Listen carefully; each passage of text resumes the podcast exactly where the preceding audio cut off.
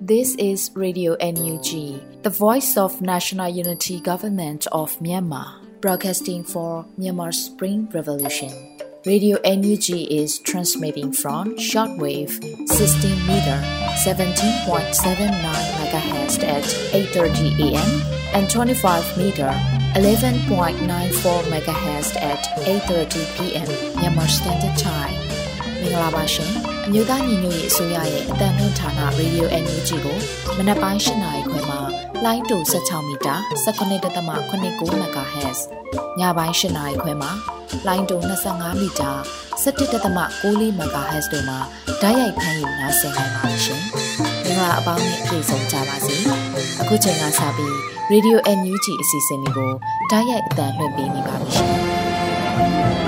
။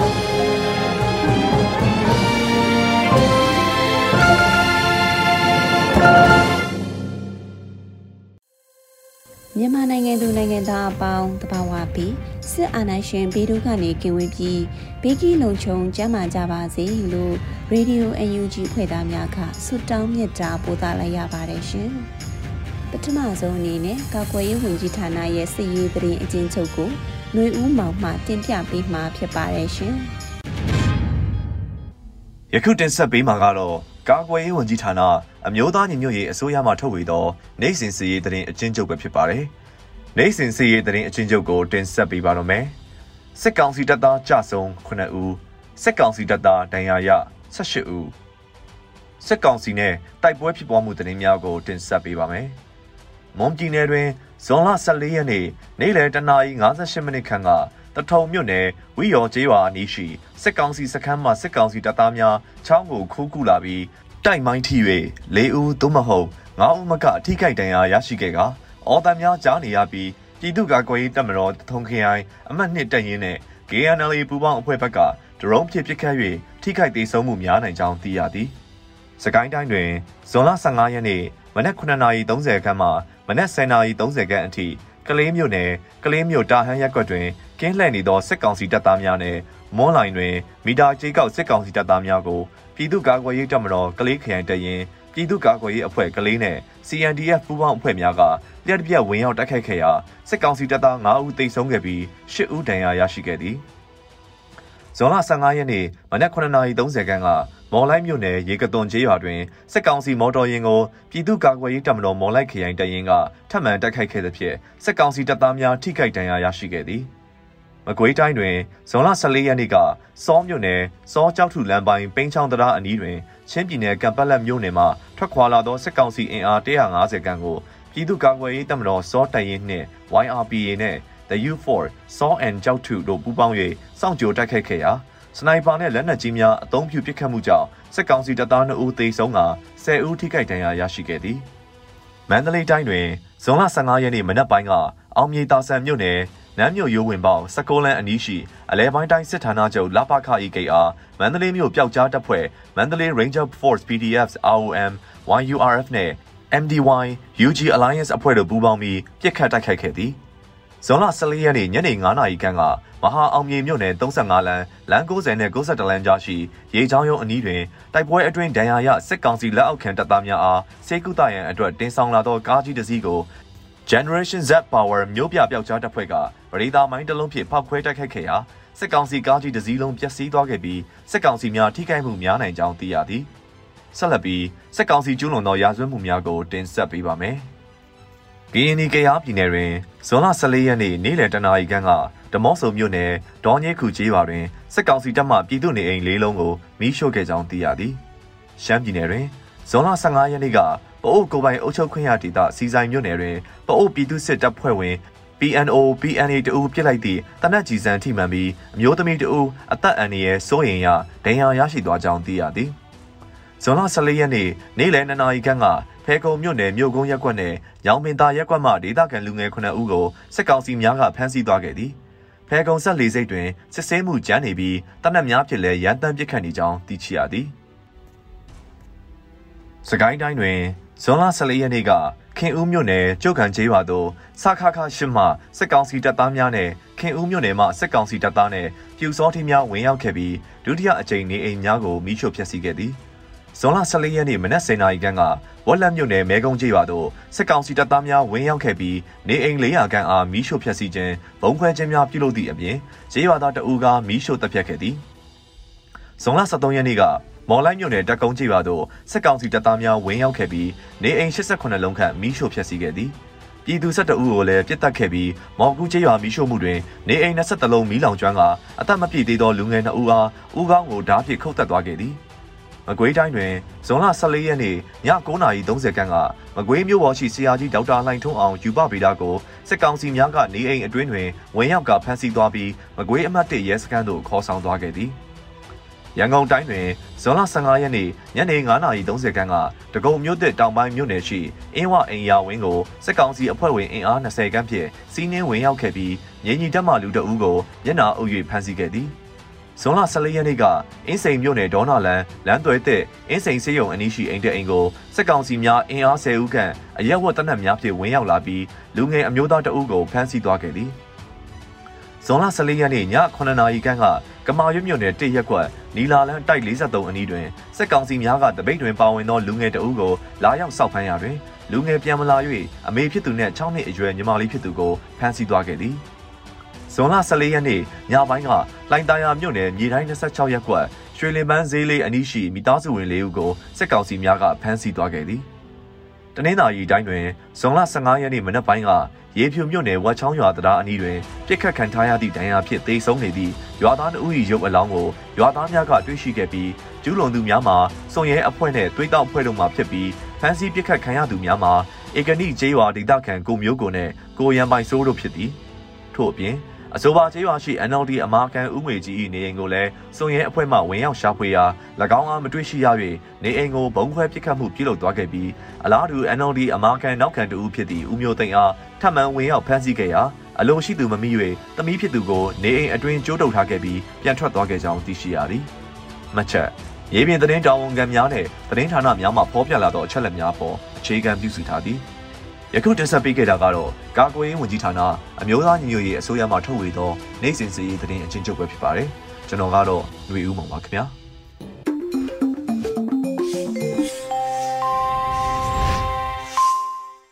ဆက်လက်ပြီး Radio UNG ရဲ့နောက်ဆုံးရသတင်းများကိုຫນွေဦးမိုင်းမှဖတ်ကြားတင်ပြပေးပါမယ်ရှင်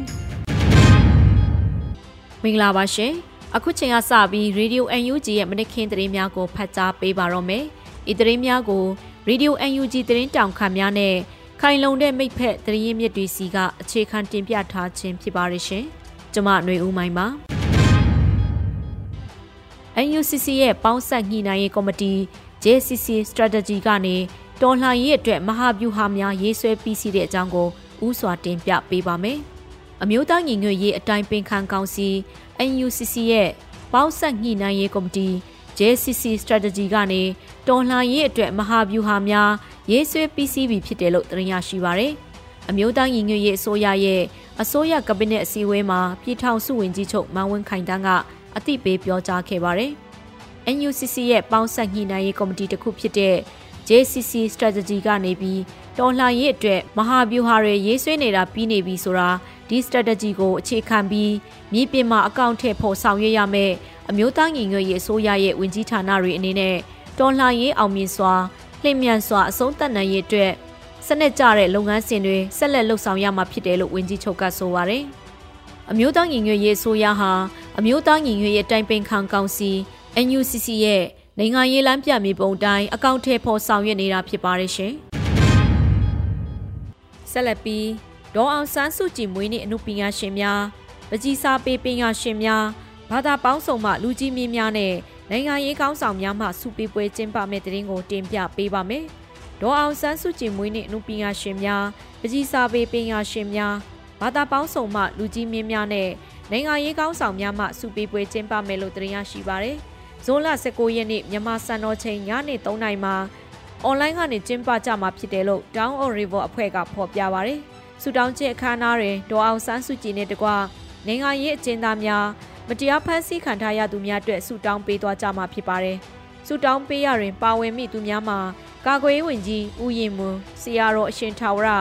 ကိုမင်းကိုနိုင်တရုတ်ဆောင်မင်းမော်ကွင်းဝေမှုတွင်မဖြူဖြူတင်းကိုမောင်မောင်အေးပကြီးဆီယာမနုရင်တရုတ်ဆောင်များနှင်းရည်လွင်စတဲ့ထွင်ရှားကြော်ကြားသူများပါဝင်ပါတယ်။အခမ်းအနားကို online platform များမှတဆင့်ဓာတ်ရိုက်ထုတ်လွှင့်ပြသမှာဖြစ်ပါတယ်ရှင်။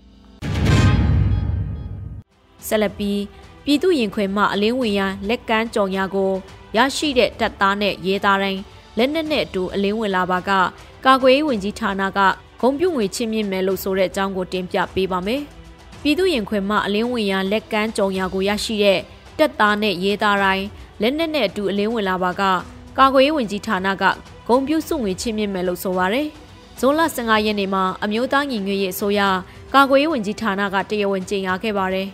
ပြည်သူကိုကာကွယ်စောင့်ရှောက်လိုသူတပ်သားနဲ့ရဲသားတိုင်းပြည်သူရင်ခွင်ဝင်ကြတဲ့ဒီစာရွက်လေးတွေကိုလမ်းသွားရင်ကောက်ရလို့ပဲဖြစ်ဖြစ်လူမှုကွန်ရက်ပေါ်ကနေတွေ့လို့ပဲဖြစ်ဖြစ်ဘေးကနေပဲရရလက်နဲ့ယူလာပြီးနီးစပ်ရာ PDF တွေနဲ့ဆက်သွယ်ချိတ်ဆက်က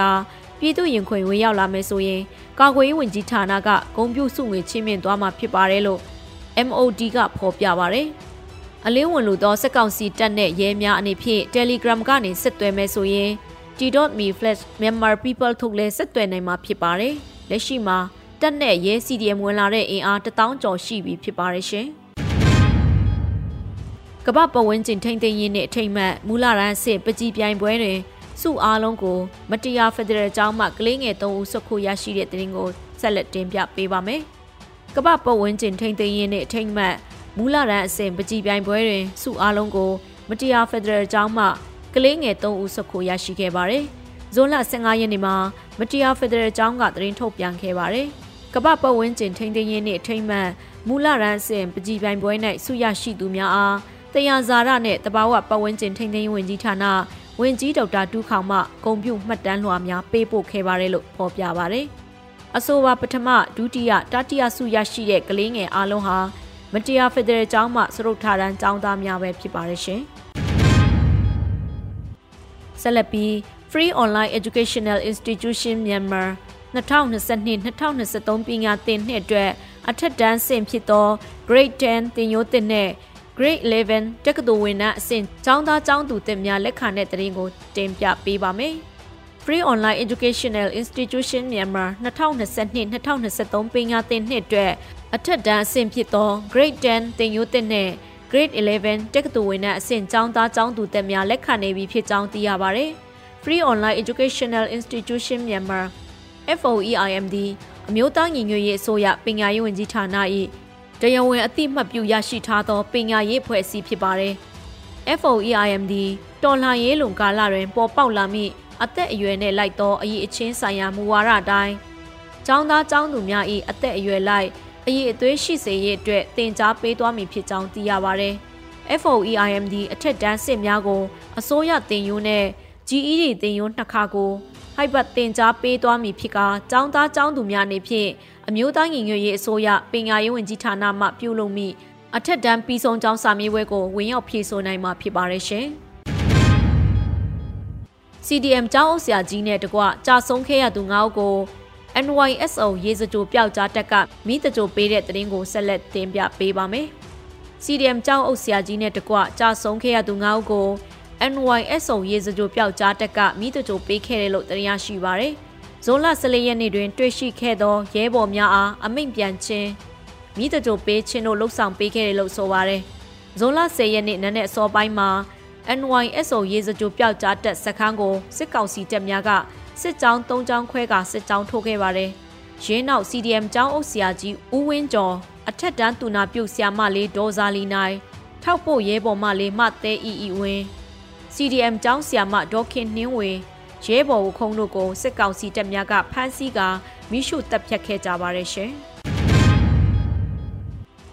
ဆက်လက်ပြီးကြောက်တကားမြို့နယ်ပဲနွယ်ကုန်းနယ်မြေရဲစခန်းမှတက်ကြက်ကြီးအားပဲခူးခရိုင် PDF တပ်ရင်း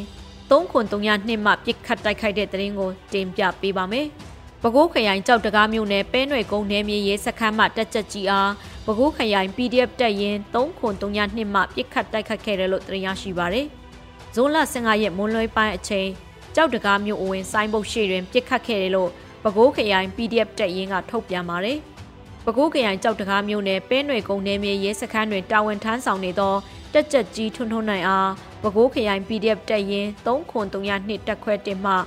ယနေ့နေ့လည်းတနာရီ35မိနစ်တွင်ကြောက်တကားမြို့အဝင်ဆိုင်ဖို့ရှိတွင်ပြစ်ခတ်ရှင်းလင်းခဲ့ပါတယ်လို့ဖော်ပြပါတယ်။ထိုစစ်စင်ရေးတွင်စစ်ကောင်စီတောက်တိုင်တက်ကြက်ကြီးထွန်းထွန်းနိုင်တေဆုံးခဲ့ပြီးတပ်ရင်303နှစ်တက်ခွဲတဲမှရဲဘော်များအောင်မြင်စွာဆုတ်ခွာနိုင်ခဲ့ပါတယ်ရှင်။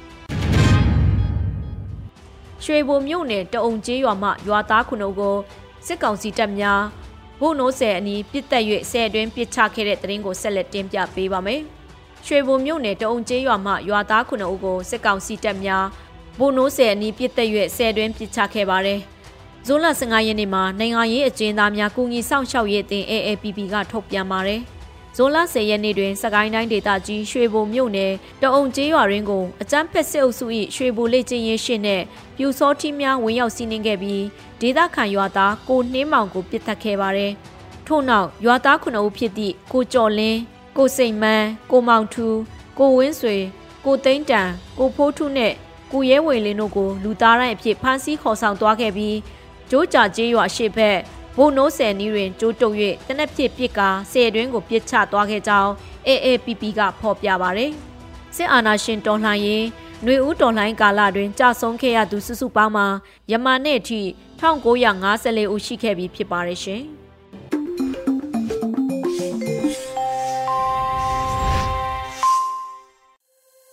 အခုဆက်လက်ပြီးမြန်မာနွေဦးခရိုနီကယ်ဇွန်14မြင်ကွင်း မိသားစုဝင်တွေပါပြစ်မှတ်ထားဖန်ဆီးတက်ဖြတ်လာကြတဲ့အစဉ်အလားဆိုတဲ့ဆောင်းပါးကိုຫນွေဦးလီပြေမှဖက်ကြားတင်ဆက်ပေးပါမယ်ရှင်။အခုတင်ဆက်ပေးမှာကတော့မြန်မာຫນွေဦးခရိုနီကယ်ဇွန်14မြင်ကွင်းဆောင်းပါးပဲဖြစ်ပါတယ်။မိသားစုဝင်တွေပါပြစ်မှတ်ထားဖန်ဆီးတက်ဖြတ်လာကြတဲ့အစဉ်အလားအခုရပိုင်းအတွင်းမန္တလေးမြို့ကတင်းရှောင်နေတဲ့အမျိုးသမီးရှိနေတူမိမိကိုယ်ကိုအဆုံးစီရင်မှုဖြစ်ပွားခဲ့ပါတယ်။စစ်အာဏာသိမ်းမှုစန့်ကျင်ရေးလှုပ်ရှားမှုတွေမှာပါဝင်ခဲ့တာကြောင့် ဖမ်းဆီးခံရမယ့်အန္တရာယ်ကိုတင်းရှောင်နေစဉ်မှာမိသားစုဝင်၃ဦးကိုစစ်ကောင်စီတပ်ကဒဇာကန်အဖြစ်နဲ့ဖမ်းဆီးသွားတဲ့တဲ့ရင်ကိုသိရပြီးတဲ့နောက်မှာပိုးသက်ဆေးလိုအစိတ်တောက်ပြီးမိမိကိုယ်ကိုအဆုံးစီရင်ခဲ့ပါတယ်။2021ခုနှစ်စစ်အာဏာသိမ်းပြီးနောက်မှာစစ်အာဏာသိမ်းမှုစန့်ကျင်ရေးလှုပ်ရှားသူတွေစစ်အာဏာရှင်စနစ်လှုပ်ရှားရေးလှုံ့ဆော်သူတွေလက်နက်ကင်တိုက်ခိုက်ဖို့စီယုံလှုပ်ရှားကြသူတွေကိုစစ်ကောင်စီဘက်ကကာယကရှင်တွေကိုဖမ်းဆီးဖို့ရှာဖွေမတွေ့တဲ့အခါမိသားစုဝင်တွေကိုခိတယာယီဖြစ်စေ ဖမ်းဆီးနှိပ်စက်မေးမြန်းတာတွေဖြစ်စေအချို့ကိုထိမ့်သိမ်းထားတာတွေဖြစ်စေလှုပ်ဆောင်ကြတာဖြစ်ပါတယ်။အခုလိုမိသားစုဝင်တွေကိုဒဇာကန်အဖြစ်ဖမ်းဆီးတာဖြစ်စေနှိပ်စက်တာဖြစ်စေရိုက်နှက်တာဖြစ်စေအဲ့ဒီလိုလုပ်ရက်တွေကနိုင်ငံတကာမှာရာဇဝတ်ဂိုင်းလိုမျိုးဒုစရိုက်ဂိုင်းလိုမျိုးဥပဒေဘောင်တဲကမဟုတ်တဲ့အဖွဲ့အစည်းတွေကလှုပ်လေ့ရှိတဲ့လုပ်ရက်မျိုးဖြစ်ပါတယ်။နောက်ရှူရောင်းတစ်ခုကတော့နှစ်ရာနဲ့ချီတဲ့ဘရင်ခေဗရေတရခေတွေတုန်းက အုတ်ချုပ်သူအာနာကိုဖီဆန်တဲ့အခါမိသားစုလိုက်ဖမ်းဆီးကွပ်မြက်တာတွေလုပ်ခဲ့ကြတဲ့အစဉ်လာမျိုးကိုပြန်တွေးမိစေတာဖြစ်ပါတယ်။စစ်ကောင်စီဟာနိုင်ငံရဲ့အာဏာကိုသိမ်းယူထားပြီး၎င်းတို့ကိုကိုအစိုးရလို့အမည်တက်ထားပေမဲ့လည်းရာဇဝတ်ခိုင်းလိုမျိုးမာဖီးယားခိုင်းလိုမျိုးတွေလုပ်တဲ့ပြန်ပေးဆွဲတဲ့သဘောမိသားစုကိုရိုက်နှက်နှိပ်စက်တာကိုမခံစားနိုင်ရင်လာအညံ့ခံဆိုတဲ့သဘောမျိုးရည်ရွယ်လှုပ်ဆောင်တာဖြစ်ပါတယ်။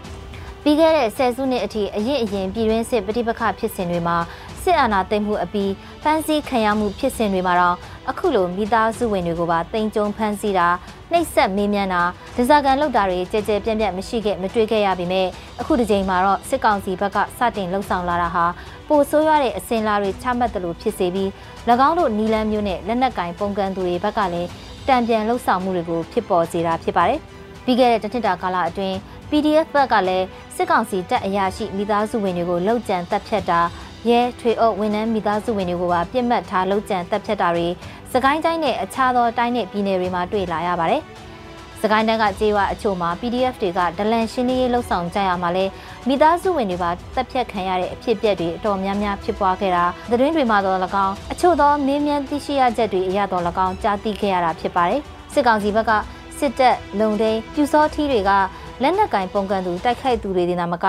မိသားစုဝင်တွေတခါတရံကလေးတငယ်တွေပါတက်ဖြတ်ခံရတဲ့အဖြစ်အပျက်တွေကိုစတင်လှုပ်ဆောင်ခဲ့ရကတစ်ဖက်ကလက်တုံပြန်ကြတဲ့အထိဆိုးရတဲ့အစင်လာတွေဖြစ်ပျက်ခဲ့တာဖြစ်ပါတယ်။အခုရက်ပိုင်းအခြားသောအဖြစ်အပျက်တစ်ခုမှာတော့ PDF တက်ဖွဲ့တဲ့ရောက်နေသူဖခင်တူလည်းသူ့သားဖြစ်သူအဖမ်းခံရပြီးအသက်ခံရမယ့်အခြေအနေမျိုးကိုမခံစားနိုင်လို့သူ့ကိုယ်သူအဆုံးစီရင်လိုက်တယ်လို့ရင်းနှီးသူတွေကဆိုရှယ်မီဒီယာမှာရေးသားနေကြတာတွေ့ရပါတယ်။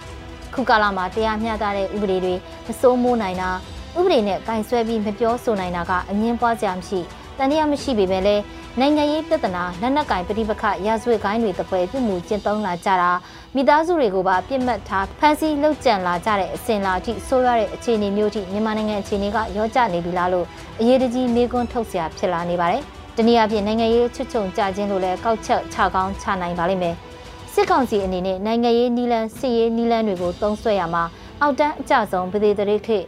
ဥရေတွေလှုပ်ထုံးလုံနည်းတွေဘာမှအရေးစိုက်စရာမလိုတဲ့ခင်မျိုးသို့သည်မဟုတ်သူစရိုက်ဂိုင်းတွေတပွဲတစ်ဖက်နိုင်ငံရေးအတိုက်ခံအဖို့အကြောက်တရားကြီးကြီးမားမားရစေပြီးအရှုံးပေးအညံ့ခံလာဖို့ရည်ရွယ်လှုပ်ဆောင်ပေမဲ့လက်တွေ့မြေပြင်မှာတော့အလားတူလက်တုံ့ပြန်မှုတွေကြုံတွေ့ရလာနိုင်တာဖြစ်ပြီးဘယ်တော့မှအစင်လာမဖြစ်ခဲ့ဘူးတဲ့မိသားစုဝင်တွေ ဆွေမျိုးသားချင်းတွေအထိလက်စားချေလက်တုံ့ပြန်တဲ့အစင်လာမျိုးတွေမြန်မာနိုင်ငံရေးမှာစတင်လာနေတာတွေ့မြင်နေရပြီဖြစ်ပါတယ်။အခုတင်ဆက်ပေးခဲ့တာကတော့မြန်မာနွေဦးခရိုနီကယ်ဇွန်14မြင်ကွင်းစောင်းပါပဲဖြစ်ပါတယ်။ကျွန်မကတော့နွေဦးလေးပြပါရှင်။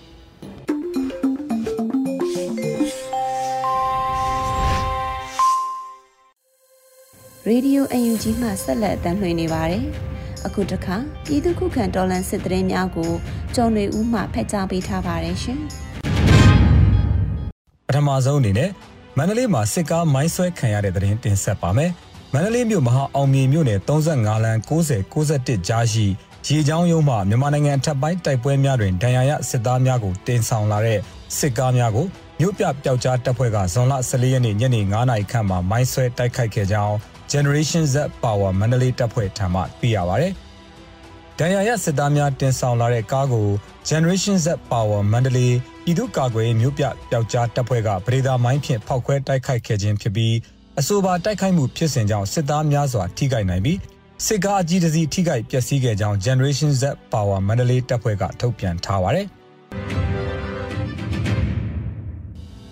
ဆက်လက်ပြီးတထုံမြို့နယ်မှာစစ်တပ် BGF ပူးပေါင်းတပ်ဖွဲ့နဲ့ KNLA PDF ပူးပေါင်းတပ်ဖွဲ့ကြားတိုက်ပွဲဖြစ်ပြီးစစ်ကောင်စီဘက်မှ9ဦးသေဆုံးတဲ့တဲ့တင်တင်ဆက်ပါမယ်။ ကရင်အမျိုးသားအစည်းအရုံးတပ်မဟာ1နယ်မြေတထုံမြို့နယ်အတွင်းအကြမ်းဖက်စစ်တပ်ပူးပေါင်းတပ်ဖွဲ့နဲ့ကရင်မျိုးသားလူမျိုးရေးတပ်မတော် KNLA ပူးပေါင်းတပ်ဖွဲ့ကြားယမနေ့ဇွန်လ14ရက်မှာ9နာရီကြာတိုက်ပွဲဖြစ်ပွားပြီးစစ်ကောင်စီဘက်မှ9ဦးသေဆုံးက6ဦးဒဏ်ရာရကြောင်း PDF သတင်းရင်းမြစ်ထံမှသိရှိရပါတယ်။ဇွန်လ14ရက်နနက်6နာရီခန့်မှာထုံးဘိုလေးကြီးရွာနဲ့ဝီယော်ကြီးရွာဘက်သို့စစ်ကြောင်းထိုးလာတဲ့စစ်ကောင်စီတပ်ဖွဲ့နေကြားဆောင်တပ်ကရင်ပြည်နယ် BGF ပူးပေါင်းတပ်ဖွဲ့နဲ့ KNL တပ်ရင်းနှင့် PDF ကြားနေ့လယ်တနာရီထိတိုက်ပွဲဖြစ်ပွားခဲ့က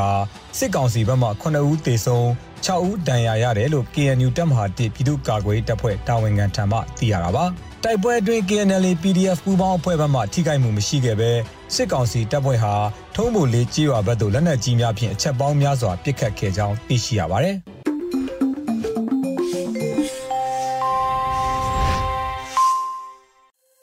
Radio UNG သောတာရှင်များရှင်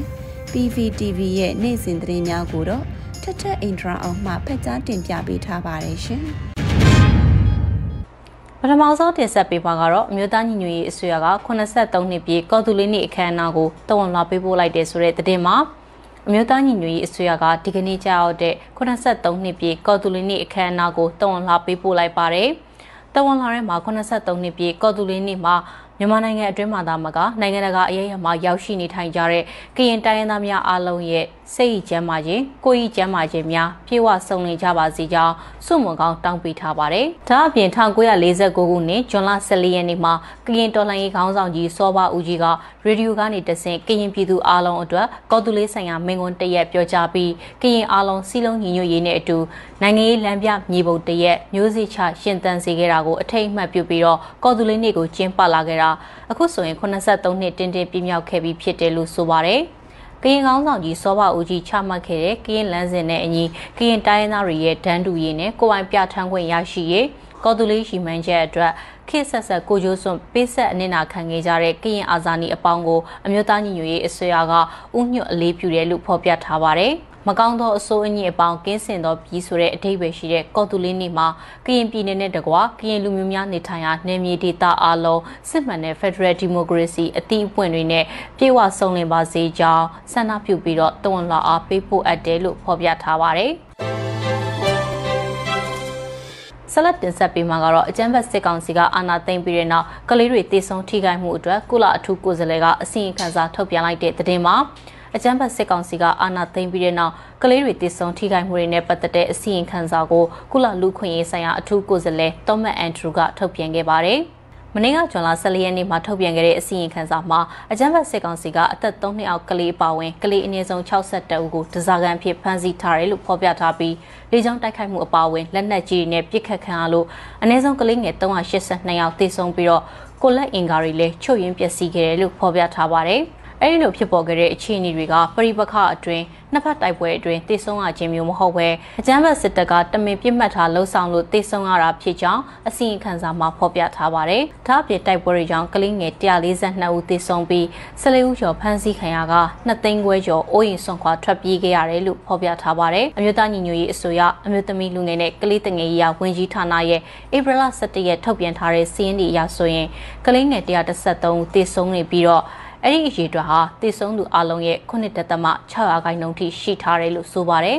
။အများဆုံးတည်ဆုံးတဲ့ဒေတာကစကိုင်းတိုင်းဖြစ်တယ်လို့လည်းဖော်ပြထားပါတယ်။အဲ့ဒီစီရင်ကဧပြီလမှာနောက်ဆုံးကောက်ယူထားတဲ့စီရင်ဖြစ်ပြီးတော့ဇွန်လ15ရက်အထိဆိုရင်ပို့ပြီးများပြားနိုင်ပါတယ်။ကုလသမဂ္ဂလူခွင့်ရေးဆိုင်ရာအထူးကိုယ်စားလှယ်ရဲ့အစီရင်ခံစာထဲမှာအကြမ်းဖက်စစ်ကောင်စီကအရွယ်မရောက်သေးတဲ့ကလေးတွေကိုရိုက်နှက်တာဓာတ်နဲ့ထိုးတာအပြင်စစ်စစ်မင်းမြန်းချိန်မှာလက်သေးကုန်ခွာခံရတာသွားနှုတ်တာတွေရှိတယ်လို့ဖော်ပြထားပါတယ်။ အဲဒီလိုဖြစ်ပေါ်နေတဲ့အခြေအနေကနေလွတ်မြောက်စေဖို့အတွက်ကုလအဖွဲ့ဝင်နိုင်ငံတွေအနေနဲ့အကြမ်းဖက်စစ်ကောင်စီကိုဖိအားပေးမှုတွေပုံမှုပြုလုပ်ဖို့နဲ့အကြမ်းဖက်စစ်ကောင်စီကိုအထောက်ပံ့ဖြစ်စေမဲ့ငွေကြေးစည်းစိမ်မှုတွေကိုပိတ်ပင်ဟန်တာကြဖို့အတွက်တော်မတ်အန်ဒရူးကတောင်းဆိုထားတာကိုတွေ့ရပါတယ်။ အခုတခါတင်ဆက်ပေးမှာကတော့နွေတော်လိုင်းကာလာအတွင်းကြာဆုံးခဲ့ရသူပေါင်း1942ဦးထိရှိနေခဲ့ပြီလို့နိုင်ငံရေးအကျဉ်းသားများကုညီဆောက်ရှောက်ရေးအသင်း AAPP ကစာရင်းထုတ်ပြန်လိုက်တဲ့သတင်းမှာအကြမ်းဖက်စစ်တပ်ကအာဏာသိမ်းပြီးတဲ့နောက်အရက်သားပြည်သူတွေကိုတပ်ဖြတ်လျက်ရှိရာမှာ မေလ31ရက်နေ့ထိစီးရင်ဒီအရာကြာဆုံးခဲ့ရသူ1942ဦးထိရှိပြီဖြစ်တယ်လို့နိုင်ငံရေးကျင်းသားများကူညီစောင့်ရှောက်ရေးအသင်း AAPP ကထုတ်ပြန်လိုက်ပါတယ်။အခုနောက်ဆုံးထုတ်ပြန်လိုက်တဲ့စီးရင်မှာစကိုင်းတိုင်းရင်းမပင်မြို့နယ်နဲ့မကွေးတိုင်းမြိုင်မြို့နယ်ကကြာဆုံးခဲ့ရတဲ့အပြစ်မဲ့ပြည်သူနှစ်ဦးရဲ့အချက်လက်တွေထည့်သွင်းထားတာဖြစ်ပြီး လက်ရှိထုတ်ပြန်ထားတဲ့အရေးအတွက်က AAPP ကကောက်ယူရရှိထားတဲ့အရေးအတွက်ဖြစ်ပြီးတော့အမှန်တကယ်ကြာဆုံးသွားသူတွေကလက်ရှိအရေးအတွက်ထပ်ပိုနိုင်တယ်ဆိုပြီးတော့ဖော်ပြထားပါတယ်။နိုင်ငံရေးကျင်းသားများကူညီစောင့်ရှောက်ရေးအသင်း AAPP ရဲ့မှတ်တမ်းပြုချက်တွေအရ2021ခုနှစ်ဖေဖော်ဝါရီလ1ရက်နေ့ကနေဇွန်လ23ရက်နေ့ထိဖမ်းဆီးချုပ်နှောင်ခြင်းခံထားသူစုစုပေါင်း11053ဦးရှိနေပြီးတော့၎င်းတို့တွေက1132ဦးဟာထောင်ဒဏ်ချမှတ်ခြင်းခံထားရပါတယ်။ ပြည့်တဲ့ကြခံသူတွေတဲကမှအသက်16နှစ်အောက်ကလေး2ဦးအပါအဝင်83ဦးကတည်တံ့ချမှတ်ခံထားရတာပါ။ဒါအပြင်ဖောင်ရန်ထုတ်ခံထားရတာကြောင့်တိန့်ရှောင်နေရသူ1989ရဲ့မြည်စင်းကိုတီးခြားဖော်ပြထားပြီးတော့သူတို့တွေကမျက်ကွယ်တည်တံ့ချမှတ်ခြင်းခံထားသူ42ဦးအပါအဝင်120ဦးဟာမျက်ကွယ်ပြည်တံ့ချမှတ်ခြင်းခံထားရတယ်လို့ဆိုပါတယ်။တည်တံ့ချမှတ်ခံထားသူစုစုပေါင်း114ဦးရှိထားတယ်လို့လည်းထုတ်ပြန်ချက်မှာဖော်ပြထားပါတယ်။ လွတ်မြောက်လာသူဥယျာဉ်အတီးကျနဲ့အမိစင်ဟာချက်ချင်းရရှိဖို့လက်လက်မမီတဲ့အတွက်အတီးပြုဖို့လိုအပ်နေစေဖြစ်ပြီးအတီးပြုနိုင်တဲ့အမိစင်းတွေကိုဆက်လက်ဖော်ပြပေးသွားမယ်လို့ဆိုပါတယ်။အရက်ဘတ်အဖွဲ့အစည်းတွေရဲ့ခေါင်းဆောင်တွေအရက်သားတွေတက်ကြွလှုပ်ရှားသူတွေသတင်းသမားတွေစီဒီယန်လှုပ်ရှားနေတဲ့ဝန်ထမ်းတွေအစရှိတဲ့နယ်ပယ်အတီးတီကဘယ်သူမဆိုဖန်စီထိန်သိမ်းတရားစွဲဆိုခြင်းခံထားရတာတွေနဲ့နှွေးတော်လှန်ရေးကာလအတွင်းကြာဆုံးသွားသူတွေရဲ့အချက်လက်တွေကိုသိရှိပါက နိုင်ငံရေးချင်းသားများကူညီဆောက်ရှောက်ရေးအသင်းကိုဆက်သွယ်ဖို့လည်းဖော်ပြထားပါတယ်။ကြာဆုံးချက်လက်တွေအတွက်ဆိုရင် fidelity data at aappb.org email သို့၎င်းဖန်စီချက်လက်အတွက်ဆိုရင် detention data at aappb.org email သို့၎င်းဓာတ်ရိုက်ပေးဖို့ဆက်သွယ်အကြောင်းကြားနိုင်တယ်လို့ဖော်ပြထားပါတယ်။ ဒါအပြင် AAPP ကလက်လန်းမိသမျှမှတ်တမ်းပြုစုချက်တွေအရအာဏာသိမ်းပြီးချိန်ကစပြီးတော့2022ဧပြီလကုန်အထိအကြမ်းဖက်စေအုပ်စုရဲ့မတရားချိတ်ပိတ်သိမ်းဆည်းခံရတဲ့နေအစာအုပ်ရေးအတွက်ဟာစုစုပေါင်း618ခုထပ်မင်းရှိခဲ့တယ်လို့ဖော်ပြထားပါတယ်ဒီကနေ့ကတော့ဒီညနဲ့ပဲ Radio NUG ရဲ့အစီအစဉ်လေးကိုခਿੱတရနာလိုက်ပါမယ်ရှင်။ မြမစံတော်ချိန်မနက်၈နာရီခွဲနဲ့ည၈နာရီခွဲအချိန်တွေမှာပြန်လည်ဆုံတွေ့ကြပါစို့။ Radio NUG ကိုမနက်ပိုင်း၈နာရီခွဲမှာလိုင်းတူ16မီတာ19.8 MHz ညပိုင်း၈နာရီခွဲမှာလိုင်းတူ25မီတာ17.6 MHz တို့မှာဓာတ်ရိုက်ဖမ်းလို့နိုင်စေနိုင်ပါပြီ။မြန်မာနိုင်ငံသူနိုင်ငံသားတွေကိုစိတ်နှပြကျန်းမာချမ်းသာလို့ဘေးကင်းလုံခြုံကြပါစေလို့ Radio NUG အဖွဲ့သူဖွဲ့သားတွေကဆုတောင်းမြတ်တာပို့တာလိုက်ရပါတယ်ရှင်။အ မျိုးသားညီညွတ်ရေးအစိုးရရဲ့စက်သွေးရေးသတင်းအချက်အလက်တွေပညာဝန်ကြီးဌာနကထုတ်လွှင့်နေတဲ့ Radio NUG ဖြစ်ပါတယ်။ San Francisco Bay Area အခြေစိုက်မြန်မာမိသားစုတွေနဲ့နိုင်ငံတကာကစေတနာရှင်လို့အားပေးနေတဲ့ Radio NUG ဖြစ်ပါတယ်။အရေးတော်ပုံအောင်ရမည်